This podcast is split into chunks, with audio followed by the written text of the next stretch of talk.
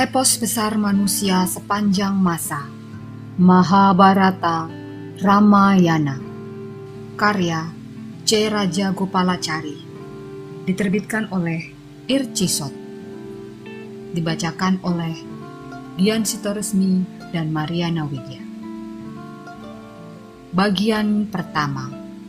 Mahabharata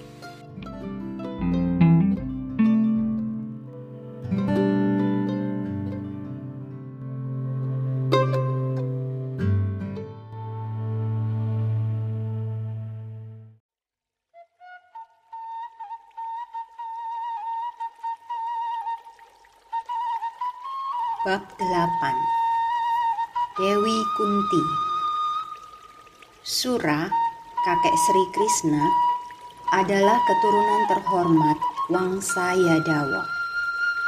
Putrinya Prita terkenal berkat kecantikan dan kebaikan budinya.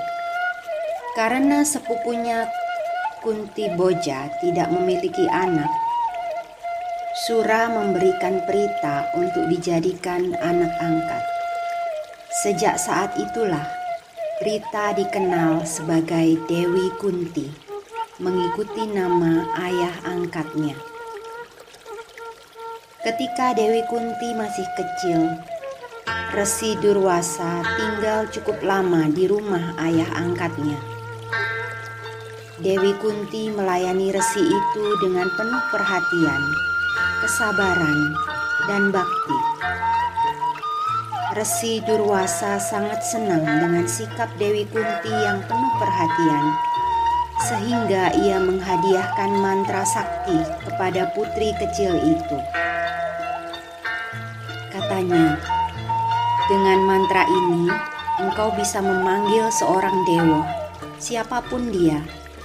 Ia akan muncul di hadapanmu dan memberimu seorang anak yang mempunyai keagungan sepertinya.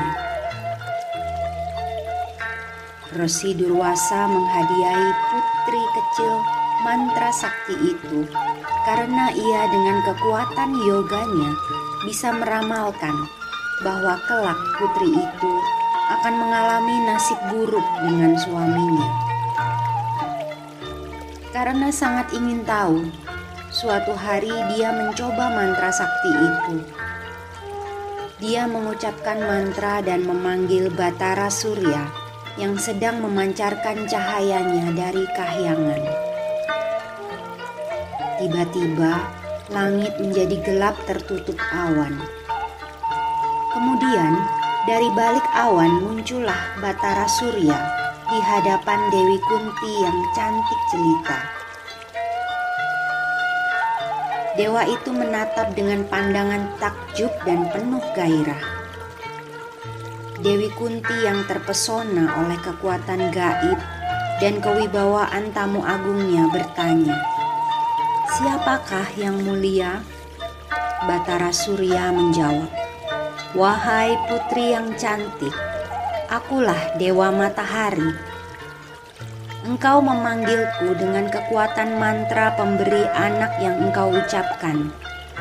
Kunti sangat terkejut dan berkata, Hamba seorang gadis yang belum menikah dan masih tergantung pada ayah hamba.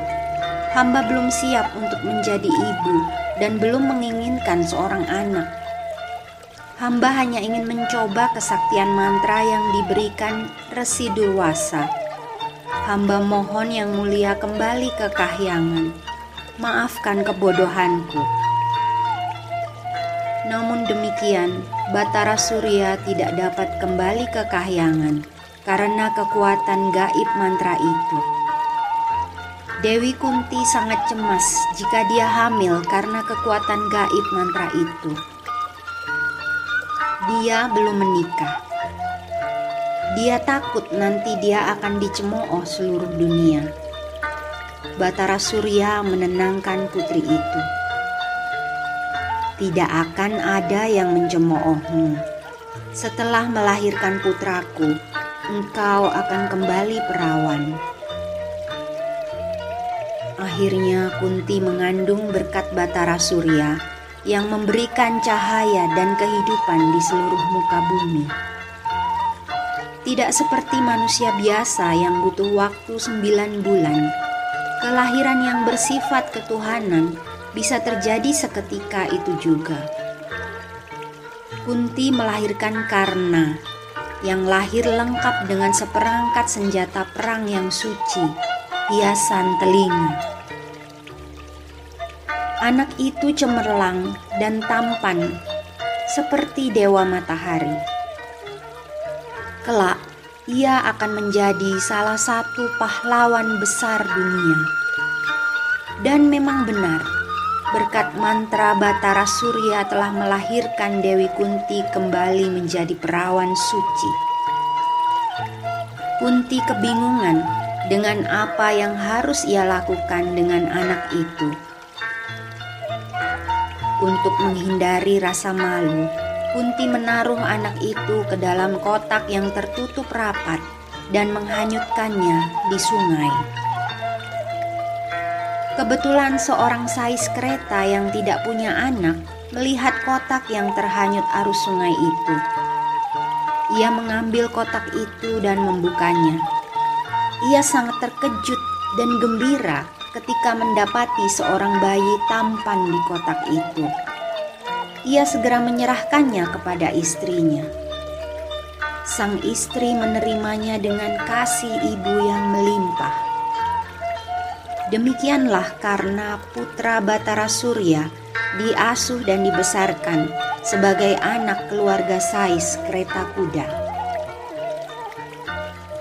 Ketika tiba waktunya, Dewi Kunti menikah Raja Kunti Boja mengundang semua putra mahkota kerajaan-kerajaan sekitar untuk mengikuti sayembara untuk menjadi suami putri angkatnya. Banyak orang mengikuti sayembara karena Kunti terkenal sebagai putri yang cantik dan baik budi. Akhirnya, Kunti mengalungkan karangan bunga tanda kemenangan di leher Raja Pandu. Pandu adalah keturunan Barata yang cemerlang. Keluhuran budinya mengungguli semua putra mahkota yang mengikuti sayembara.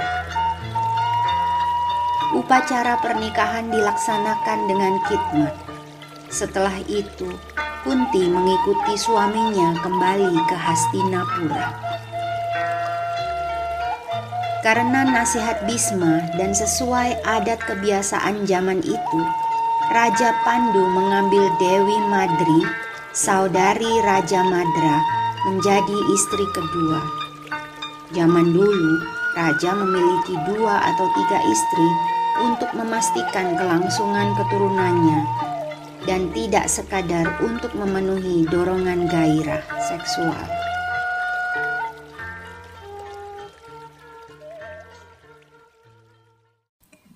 Dengarkan kisah selanjutnya di episode berikutnya.